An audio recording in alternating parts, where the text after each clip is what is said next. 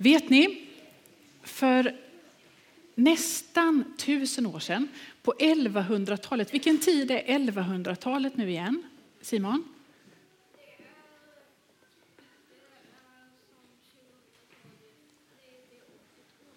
Det är ett årtal, ja. Vad tänkte du på, Ville? Är det järnåldern på 1100-talet? Ja, eller tidig medeltid? Är det någon som vet? Har vi någon historielärare? Är det järnåldern? Då kör vi på det. Du har rätt. Mm. Ja, vi, vi, vi, får se. Men då i alla fall så föddes det hos en rik köpman i Italien så föddes det en liten pojke. Och den här pojken växte upp och han blev till en riktig sprätt. Rätt kaxig. Han var kaxig. Och han, han tyckte att han var snygg. Vet ni varför han tyckte han var snygg? Jo, för hans pappa sålde kläder så han fick alltid ha de snyggaste nya kläderna. Så han, tyckte, han liksom gick lite med näsan. Vad har du för trasor på dig idag Kenneth? Jag tror inte att han sa så, men han tänkte nog så ibland. Och han tyckte om att vara ute och festa med sina kompisar. Och han slösade pengar, massor med pengar, inte sina egna, utan sin pappas pengar slösar han bort. Och han tyckte om att eh, lyssna på sånger och skriva sånger. Och den här unge mannen hade en dröm, en högsta dröm. Vet ni vad det var? Man skulle kunna tro att det var att vinna Melodifestivalen. Fast hur länge var det nu Melodifestivalen hade funnits? Nej, det var lite längre. Jag tror, sa, sa, de inte någonting om, ja, men sa de inte någonting om 60-årsjubileum eller något? Och detta är ju lite, jag tror inte Melodifestivalen fanns på den här tiden, men, men kanske något liknande. Han tyckte om att skriva sånger i alla fall. Men vet ni vad som var hans högsta dröm? Han ville bli riddare. Det var hans högsta dröm. Och han hette Franciscus. För vet ni varför han ville bli riddare? Jo, för han ville bli berömd för att han skulle vara modig och ädel. Och då tänkte han, riddare är det bästa. Jag ska bli berömd för att jag är modig och ädel. Ni såg, han var lite sprättig va? Mm. Så han bestämde sig för att han skulle ge sig ut i ett krig, ut och krigare. Men det gick inget bra. Han blev tillfångatagen och fick sitta som krigsfånge i över ett år. Och sjuk blev han också. Han hade feber. Louise vet precis hur han känner sig. Det gick inget bra. Jag tror att när man sitter ensam i ett fängelse så hinner man tänka en hel del. Och det är han, Franciscus. Han kom på att ah, det är nog inte så himla bra att ut och kriga bara så där. Nej, jag tror inte jag ska göra det. Men jag ska vara ädel och modig så jag kan kriga för Gud. Det kom han på då att han skulle göra. Och efter lång tid, så hans pappa hade ju mycket pengar, så hans pappa kunde köpa honom fri. Så Franciscus fick komma hem och då började han med nya planer. Han skulle ut och kriga för Gud. Så han skaffade sig en dyr rustning. Ni vet, det var det sådana här stelar man hade på den tiden, eller? Det klonk, klonk. Jag vet inte riktigt. Men han skaffade sig en dyr rustning och en fin ståtlig häst. För nu skulle han kriga för Gud.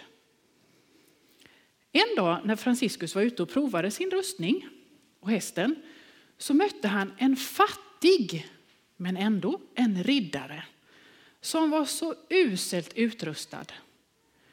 Men Franciscus han gillade ju riddare, eller hur? Så han gav bort sin dyra fina rustning till den här fattige riddaren. Så tänkte han, jag får en ny av farsan, tänkte han. Så då kunde den riddaren rida iväg med en ny fin rustning. Och på natten, samma natt, drömde Franciscus en dröm. Och i drömmen så var det en röst som frågade honom. Franciscus, vem kan bäst hjälpa? Jesus eller Jesus tjänare? Franciscus svarade, ja men det är ju Jesus.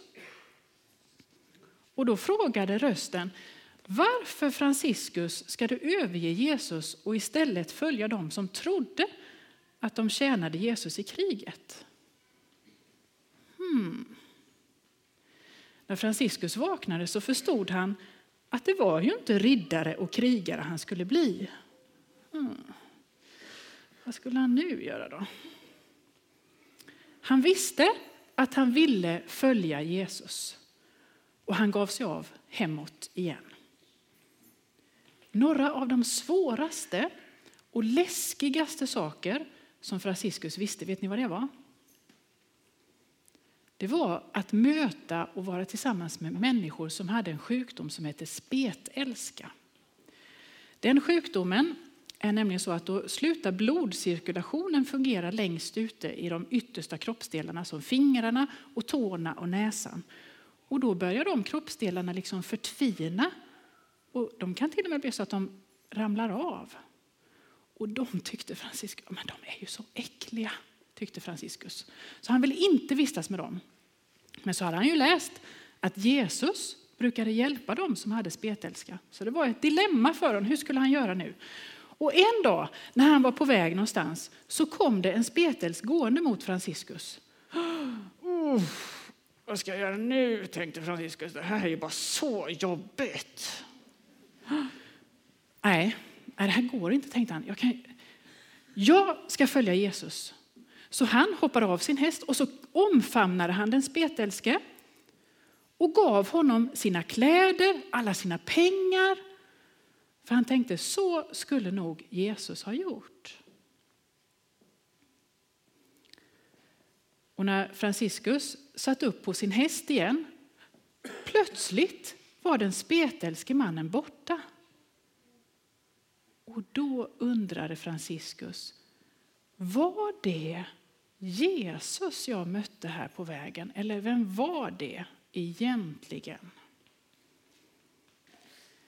Lite senare så satt Franciscus i en gammal skruttig kyrka, inte så här fin, utan en gammal skruttig kyrka. Och längst fram i kyrkan så fanns det, ni ser här är ju ett kors va? Men den här Jesus som är på den här, han ska föreställa att han är uppstått och har besegrat döden. Men det korset som fanns i den kyrkan där Franciscus satt, så var det Jesus när han hängde på korset fastspikad, kommer ni ihåg det? Att han blev det? Och led så han hängde där. Och där satt, det var lite skruttigt det korset också, och där satt Franciscus och bad. Och när han satt där och bad så plötsligt hörde han en röst som sa Franciscus, bygg upp min kyrka som du ser håller på att falla i ruiner.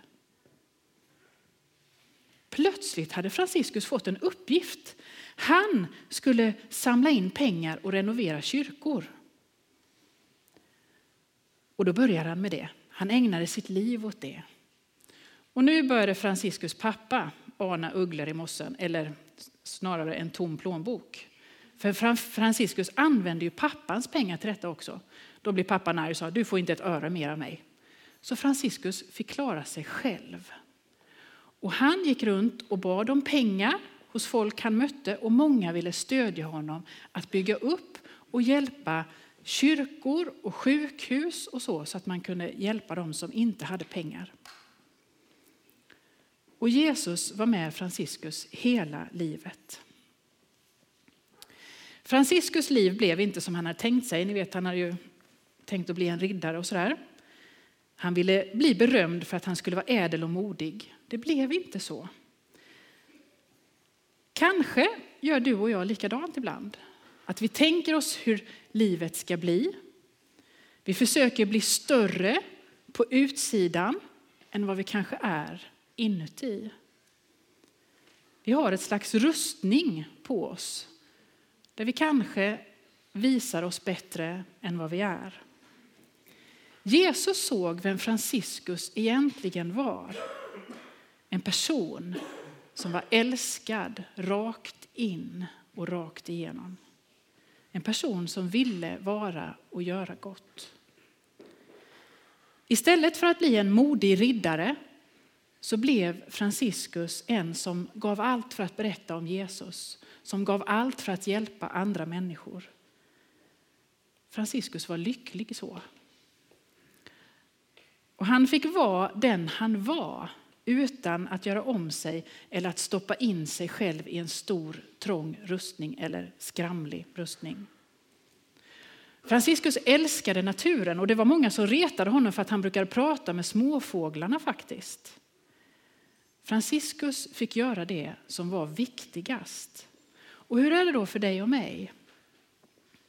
Skulle det viktigaste verkligen vara att bli berömd som Måns, vad han nu heter? Eller skulle det vara att göra något hjältemodigt så att man blir mm, sådär? Eller vad är viktigast egentligen?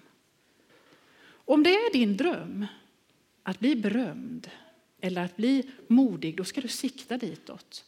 Och du ska också fråga dig, vad är det som är viktigt? Franciscus fick i sin vänskap med Jesus göra det som var viktigast. Och kanske är det därför som vi fortfarande kommer ihåg honom. Han gjorde det som var viktigast. Han fick vara den han är och var älskad just så. Och kanske har Franciscus något viktigt att säga oss också idag. Jesus är med dig och mig hela livet och genom döden till livet efter detta också. Och han gett oss livet som är den vackraste gåva. Hur vill du och jag använda den? Ska vi göra det som är viktigast, nämligen att leva och vara oss själva och göra en annan människa gott?